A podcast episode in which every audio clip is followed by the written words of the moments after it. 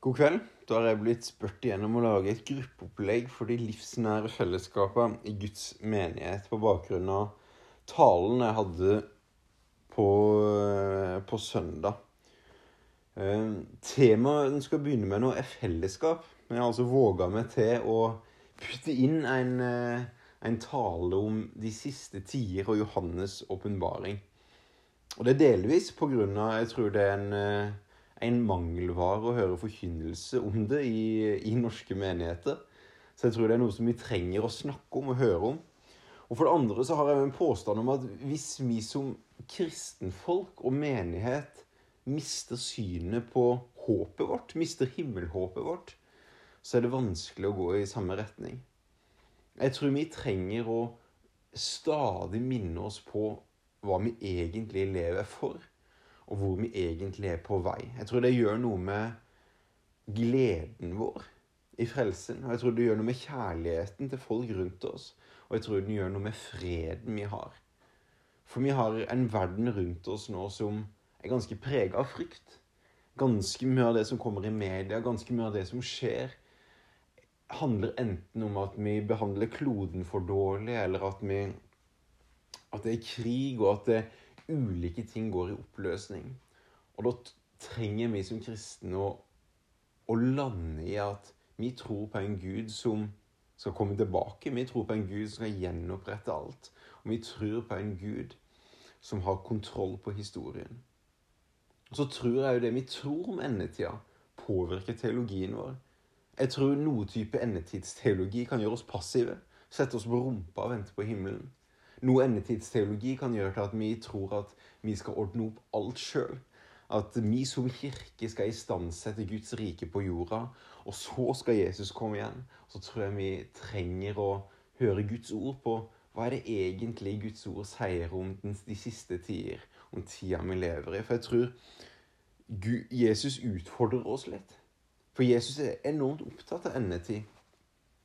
Og det kan vi lese om i, i Matteus, at de siste ukene så prater Jesus masse om himmelen og om når han skal komme igjen. Det er en bibelforsker som jeg har stor tiltro til, som heter dr. Chuck Misler, som mener at det står åtte ganger så mye om Jesu andre komme som Jesu første komme. Det betyr at det er veldig mye av det vi kan lese om i Bibelen, både i Gammeltestamentet og i Nytestamentet, som ennå ikke er oppfylt ennå. Og Jesus kritiserer jo sadukerene, f.eks., som kommer til han og spør ja, hva med oppstandelsen fra de døde. Og så sier han dere farer vill, vil, for dere kjenner ikke Skriften. Og da sier han jo ikke at de ikke kjenner Gammeltestamentet. Det han sier, er at de skjønner ikke at Skriften er en del av historien. At de faktisk, det de tror på, er historiens Messias. Og at Skriften nå leves ut i praksis. De så jo Jesu liv.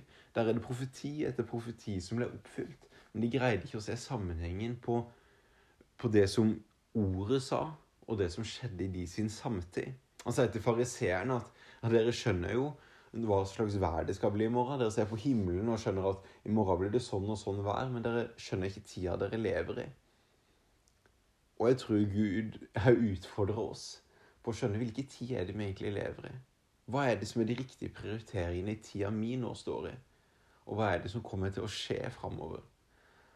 Og Bibelen er helt tydelig på at dere skal ikke vite dagen eller timen. Så alle endetidsteologier som er altfor opptatt av hva som skjer dag til dag i nyhetene, og ser alt ut fra Vesten og tenker at alt som vi opplever her, det er det som er det bibelske, det tror jeg vi skal være veldig kritiske til. Så prøve å se det store overblikket. Martin Luther sa at 'jeg ønsker å leve som om Jesus døde for meg i går', sto opp for meg i dag tidlig og kommer igjen i morgen. Og jeg tror det handler om nettopp det. Vi trenger å leve tett på frelsen og oppstandelsen. Og vi trenger å leve tett på at Jesus kommer igjen, for det gjør noe med hjertene våre. Og så kan det være fornuftig nå etter at jeg har snakka, og sjøl åpne Bibelen og lese f.eks. i Matteus, som i Matteus 24, der det står om denne trengselstida. Så avslutter Jesus de her tankene om himmelen i Matteus 25, med at han forteller tre forskjellige lignelser. En om pike jomfruene som skal olje på krukkene. En om talentene, og en om sauene og geitene. Og det opplever at Jesus peker på her, er at det å leve tett på endetida, det gjør noe med Det gjør noe med hjertet vårt og behovet for at vi, vi vet at vi har vår sak i orden med Jesus. Så det går på det personlige plan. Og så gjør det noe med åssen vi bruker egenskapene, talenten og pengene og ressursene som Gud har gitt oss, til å elske Gud og elske mennesker. Og så gjør det å leve tett på, på, på framtidshåpet vårt noe med åssen vi behandler menneskene som Gud har putta i vår vei. Så jeg tror det er viktig for oss, og det er sunt for oss. Og så tror jeg det er viktig for fellesskapet vårt. For Det står i Kolosserne 1,3 at vi takker alltid Gud og Herre Jesu Kristi Far når vi ber for dere. For vi har fått høre om deres tro på Jesus Kristus, og om kjærligheten dere har til alle de hellige, på grunn av håpet som venter dere i himmelen. Hørte dere det? Paulus sammenligner det her med at kjærligheten til de hellige har økt, og, så begrunner han det med at av håpet som venter dere i himmelen. Det virker som at, at Paulus setter et likhetstegn mellom at når vi øker vårt håp, og øker vårt himmelhåp, så gjør det noe med kjærligheten vi har til de rundt oss.